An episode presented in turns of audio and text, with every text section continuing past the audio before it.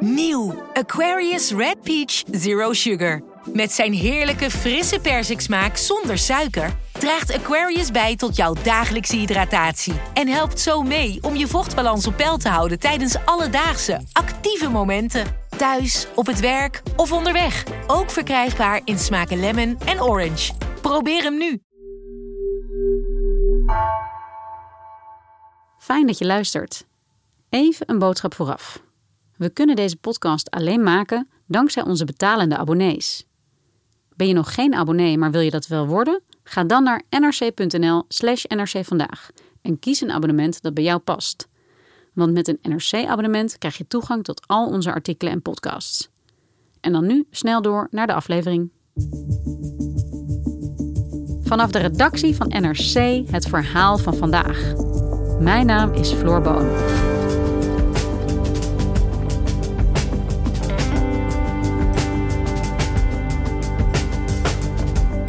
Om te zorgen dat buitenlandse sporters en journalisten geen Chinezen besmetten met COVID, gelden er strikte regels tijdens de Olympische Winterspelen, die vandaag beginnen in Peking. Duizenden inreizende mensen worden volledig van elkaar gescheiden en kunnen het land verder niet in. Correspondent Gary van Pinksteren vertelt over hoe die strikte maatregelen ook afleiden van zaken waar China het liever niet over heeft.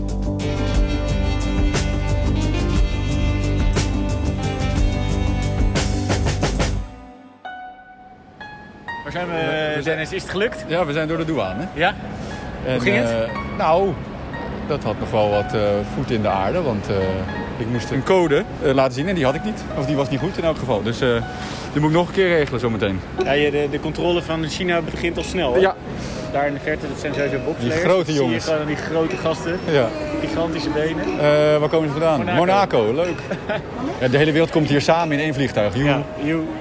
Ja, dat zijn Dennis Bokshoorn en Sam de Voogd. Dat zijn sportredacteuren van NRC. eh, Die hier speciaal gekomen zijn om verslag te doen vanuit de bubbel over de Olympische Spelen. Als ik nou Olympiër was, zou ik dit dus echt niet trekken. Zoveel mensen op elkaar gepakt. Nee. Zo, het is die luchthaven leeg. Wordt jouw tas nou ook op corona getest? of? Ja. Echt waar? En ik vind het wel leuk om ze zo te horen. Dus kijk, zij zien dit alles voor het eerst en wat zij dan meemaken. Uh, Sam, wat moeten we hier laten zien dan? Geen idee. Doe ze allemaal opgewonden, hè? Vind je niet? Ja. een keertje. Paspoort scannen. Credo. Verder allemaal heel ontspannen. Nat. Is dit verplicht of niet? Het ziet er niet heel verplicht uit. Ik vind het opvallend hoe zij ook noemen dat ze de indruk hebben dat mensen bijvoorbeeld op het vliegtuig heel nerveus zijn. Dat het allemaal niet heel erg ontspannen is. En dat kan ik me ook heel goed voorstellen. Want kijk, je moet je bedenken dat als je hier als ambtenaar of als betrokkenen een fout maakt in de bestrijding van corona, dan gaat eigenlijk je kop eraf. Niet letterlijk, maar dan word je wel uit je functie ontheven. Dus mensen zijn ontzettend bang om iets verkeerds te doen. En ontzettend bang dat zij uiteindelijk de schuld ervan krijgen. Dat bijvoorbeeld Dennis of Sam besmet blijken met corona. En dat zij dat niet hebben opgemerkt. Zijn we dan? China, gearriveerd op de hotelkamer. Want Gary, jij bent ook in Peking, in Beijing, in China. En ja, dat moet op zich toch best wel leuk zijn eigenlijk als correspondent... dat je ineens eh, twee collega's op bezoek hebt. Ja, dat klinkt ontzettend leuk. En het is ook leuk, want we spreken elkaar dus aan de telefoon en we mailen nu. Maar we kunnen elkaar absoluut niet zien. Want eh, het hotel waar zij in zitten en zoals zij zitten, zo zitten eigenlijk alle mensen die van buitenaf naar de Spelen komen en die de bubbel rondom de Olympische Spelen ingaan. Hey Dennis, we komen net bij het eerste hotel aan, hè? Ja. Kun je eens vertellen hoe dat eruit ziet van buiten? Omgeven met tralies of nou, een hekwerk met groen. Omgeven door ondoordringbaar eh, hekwerk. Waardoor je de indruk krijgt dat je er niet uit of in mag. In mag. Nee, dat is volgens mij ook niet de bedoeling. Checkpoint. Checkpoint, Charlie, kom maar door. Er staat altijd politie bij. Er staan ook mensen in van die witte pakken buiten de deur. En er is één poort, één toegang tot de parkeerplaats van het hotel. Daar kom je dus alleen maar in als je hoort bij de Olympische Spelen. En als je met een speciaal busje komt of een speciale auto waar ook een speciale sticker op zit, een rode sticker Peking 2022, eh, dan doen ze de poort voor je open. En dat gaat zelfs zo ver dat er tegen mensen gezegd is van stel nou je krijgt een aanrijding als chauffeur met zo'n uh, bus of een auto met zo'n rode sticker. Dan is al gezegd van ga dan niet uh, in gesprek of ruzie met de chauffeur die zo'n rode sticker heeft, maar ga weg. Om vooral te zorgen dat je niet ook dan niet besmet zult raken met mensen die mogelijk corona hebben die in die bus zitten. Dus blijf daarvan weg, maak je uit de voeten. Het klinkt bijna alsof de sportjournalist en onze sportjournalisten dus ook in een soort Olympische gevangenis zitten. Ja, dat is ook wel een beetje zo. Kijk, ze zullen ongetwijfeld heel vriendelijk bejegend worden en goed verzorgd. Maar zij mogen die Olympische bubbel absoluut niet uit. En dat gaat heel ver, hè? want het is niet alleen zo dat zij dus Peking niet in mogen, dat zij niet bij mij een, een kopje koffie kunnen komen drinken of eh, zelfs ook maar een biertje. Maar het is ook zo dat zij niet direct in contact mogen komen met bijvoorbeeld de atleten. Want die zitten net weer in een andere bubbel. En de officials zitten ook weer in een andere bubbel. Dus zij zitten eigenlijk in een journalistenbubbel. Die dan ja, via in ieder geval plexiglas uh, zal moeten gaan spreken met de sporters. En ja, zij zien dus eigenlijk van het hele land dat ze bezoeken. En eigenlijk ook van de hele stad waar ze zijn. Zo goed als niets.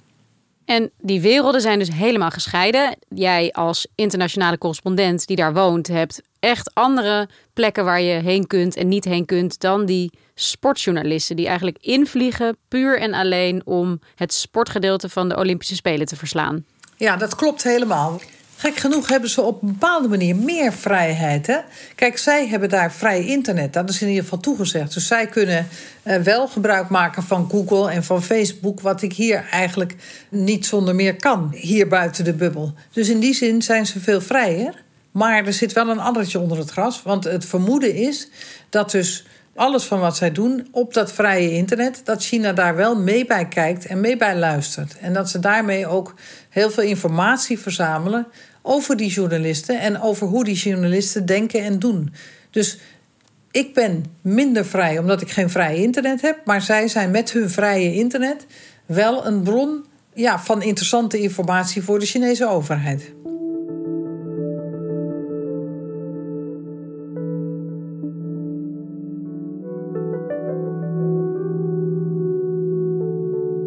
Hoe zit het eigenlijk nu met de besmettingen in China van corona? Nou, die zijn, als je het vergelijkt met Europa, met Nederland, zijn ze miniem. Maar als je het vergelijkt met wat China een tijdje geleden had, is het wel weer relatief veel. Bijvoorbeeld hier in Peking om uh, zeg maar tot nu toe iets van tussen de 100 en de 200 uh, eh, mensen die besmet zijn, die positief getest zijn. Hè? Dus dat is op een stad van uh, eh, 20 miljoen mensen, is dat natuurlijk idioot weinig in onze ogen. Maar China heeft een beleid dat ze echt absoluut helemaal geen corona willen.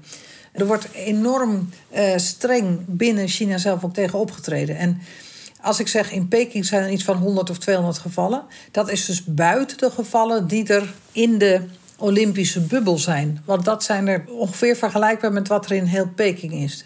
En dat maakt dat als je dus met mensen hier spreekt, dat die mensen uh, over het algemeen ook eerder angstig dan enthousiast tegenover die spelen staan. Dat ze het zien, en zo ziet de overheid het denk ik ook, als vooral gevaarlijk. Als een evenement wat corona in China kan brengen, in Peking kan brengen en zou kunnen verspreiden onder de gewone bevolking. En uh, ja, je, je kunt je bijna, als je van buiten komt, denk ik, niet voorstellen hoe streng en hoe angstig het hier allemaal is rond corona en rond te spelen. Maar ik ga wel naar de opening van de Spelen. Niet als verslaggever, maar als algemeen publiek mag ik daar dan naartoe. Ben ik daarvoor uitgenodigd. Zijn er meerdere journalisten voor uitgenodigd. Uh, en dan gaan wij dus in het stukje van het stadion zitten, wat dan bedoeld is voor algemeen uh, publiek. En dat lijkt me leuk om te doen. Maar ik mag dat alleen omdat ik drie keer gevaccineerd ben. Dat moet ik ook bewijzen. Anders word ik niet eens uitgenodigd. En ik heb woensdagochtend en donderdagochtend een test moeten doen. Als ik dan bij de opening geweest ben, moet ik daarna de volgende dag me ook weer laten testen. En dan zeven dagen nog een keer. Maar het is soms ook heel erg uh, komisch, moet ik zeggen. Komisch? Hoezo? Nou ja, we hebben bijvoorbeeld pas vrij laat gehoord hoe laat we dan moeten verzamelen. Maar we hebben daarvoor al gehoord wat we allemaal aan kleding moeten aantrekken. Want het is hier natuurlijk winter, het kan koud zijn, het kan eh, behoorlijk vriezen. En omdat je zo lang zult moeten stilstaan en wachten en stilzitten, heb ik een voorschrift gekregen. Nou, dan begint het met de, wat je aan je bovenkant van je lichaam moet dragen, dus je top. En eh, dan staat er van: het is aangeraden dat je drie lage warme kleren over elkaar heen aantrekt op je bovenlichaam. Nou, en dat zijn dan niet zomaar warme kleren, maar daar staat dan ook heel specifiek dat je bijvoorbeeld het beste een donze jas kan dragen die tot over je knie komt. Het staat er zo dat de fluffiness van de jas moet 600 plus zijn en er moet eh, minstens 90% eh, dons in zitten. En per oppervlakte moet er dan minstens 900 gram dons voor een bepaalde oppervlakte in zitten. En de muts moet er eh, aan vastzitten, aan één stuk zijn. En zo gaat het per laag verder. Hè? Zoals je bijvoorbeeld, ze schrijven ook voor wat voor een ondergoed je moet dragen. Dat dat, dat best lang ondergoed kan zijn. En dan ook weer eh, op welke manier dat geweven moet zijn. Hè? Hoe goed dat ondergoed moet zijn. Nou, en het gaat zo maar door. Hè? Een hele uitgebreide kledinggids. Maar Gary, dit klinkt echt. Ik heb dit nog nooit gehoord. Dat er zulke uh, vergaande en specifieke eisen worden gesteld. Je zei net wel, het wordt aangeraden. Heb je hier nog een keus? Gaan ze jou checken? Gaan ze voelen aan wat voor een jas jij aan hebt straks? En gaan ze controleren welk ondergoed je aan hebt? Ha, dat is wel een goede vraag. Nou, ik hoop van niet, natuurlijk.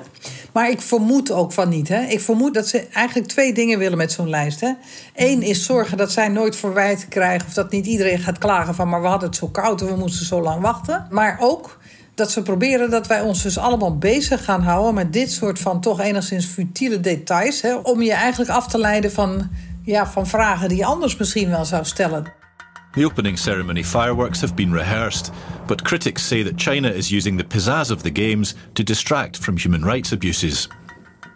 Uh, I hope our sponsors uh, know that what they should be doing is talk about the atrocities that are going on over there. What NBC ought to be doing is talk about the atrocities that are going on over there, whether it's what they're doing to the Uyghurs, what they've done to the Hong Kong citizens, or the threats to Taiwan right now.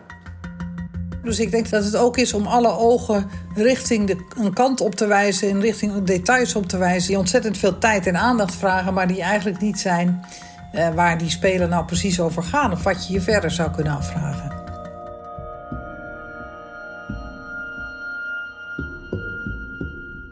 Jij zegt dat China op die manier ook de aandacht afleidt... maar dat zijn natuurlijk juist de dingen waar wij het graag wel over willen hebben...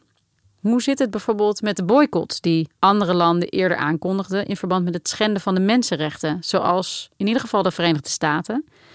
Merk je daar iets van? Heeft dat effect? Nou, eigenlijk uh, is dat een heel vreemd effect.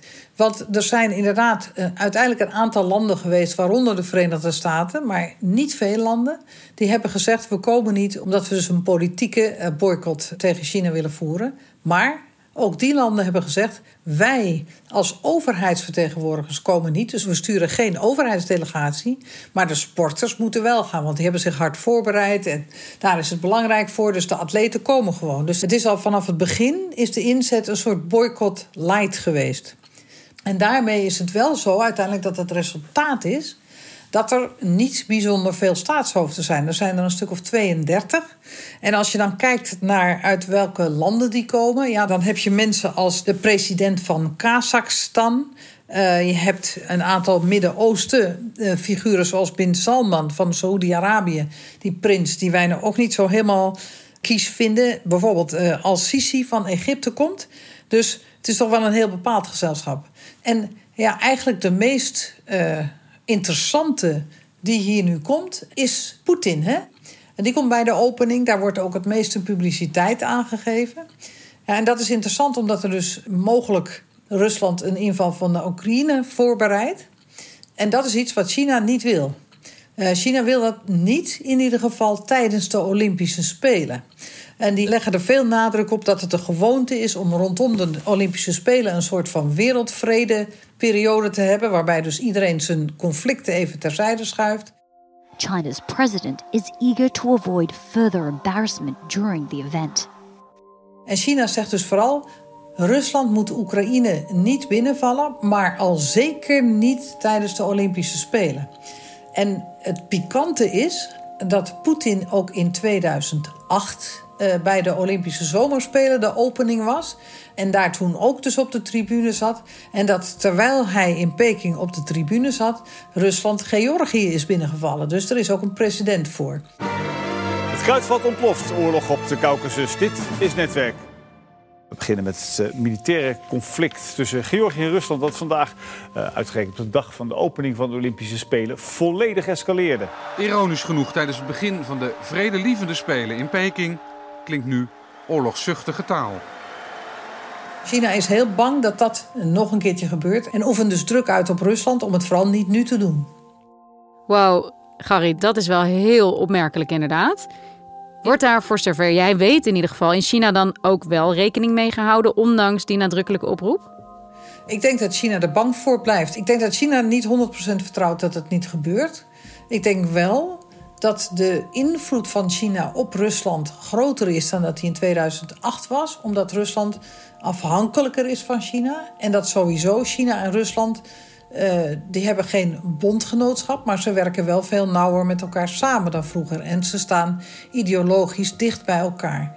Dus als Rusland het toch doet, uh, en zo brutaal is om het nu dan toch te doen tegen de zin van China in, dan denk ik wel dat dat de relaties tussen China en Rusland geen goed zou doen. Dus we kijken tegelijkertijd ook naar hoe de verhoudingen tussen deze twee grootmachten zich voor onze ogen misschien wel ontwikkelt. Jazeker. En ondanks alle extreem strenge maatregelen die er nu zijn voor die sportjournalisten in die Olympische bubbel, maar ook voor journalisten zoals jij buiten die sportbubbel, is het nu ook al wel duidelijk dat dat systeem niet waterdicht is. Want er zijn al sporters positief getest en de Spelen beginnen pas vandaag. Hoe gaat China hier dan nu mee om? Gaan ze al die mensen nu opsluiten? Nou, ten eerste heeft China van tevoren gezegd: het is onmogelijk om die bubbel helemaal corona-vrij te houden. Dat kan gewoon niet. want mensen testen positief als ze aankomen hier in Peking. En ook een aantal mensen testen pas later positief als ze eenmaal in het Olympisch dorp zijn. Uh, dan kunnen dat nog steeds besmettingen zijn die van buiten komen. En als je de pech hebt om uh, eenmaal in China positief getest te worden op corona, dan moet je wel naar een speciale uh, faciliteit. Dan kom je wel in quarantaine terecht. Soms ook in eerste instantie gewoon in een quarantainehotel. En daar mag je dan in principe pas weer uit als je twee keer achter elkaar negatief test. Dus hoe lang het duurt voordat je twee keer achter elkaar negatief test, dat is eigenlijk niet goed te zeggen. En dat kan in de praktijk goed toeleiden dat bepaalde sporters, als die positief testen, een helemaal niet kunnen deelnemen aan hun sportonderdeel, omdat ze dan nog niet negatief getest zijn. Dus dat ze helemaal naar Peking gekomen zijn, uh, zich helemaal hebben voorbereid, maar uiteindelijk toch niet uh, aan de wedstrijden mee kunnen doen.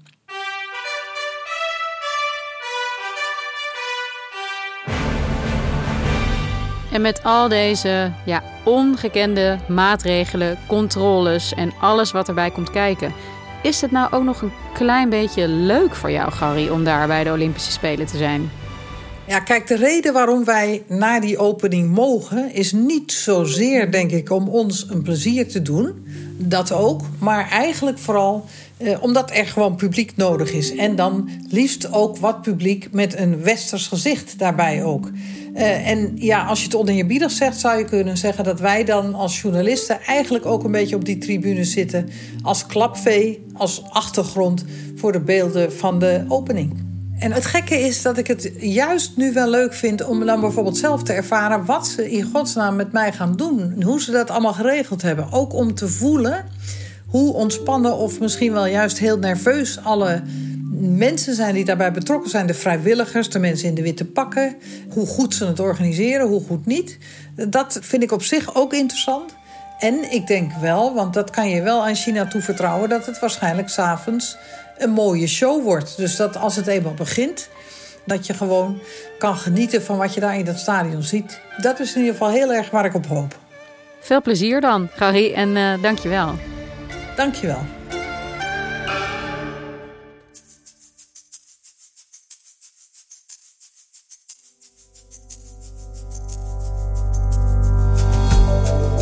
Je luisterde naar vandaag, een podcast van NRC. Eén verhaal, elke dag. Deze aflevering werd gemaakt door Anna Korterink en JP Geersing.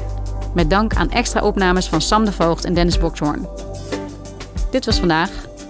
Maandag weer.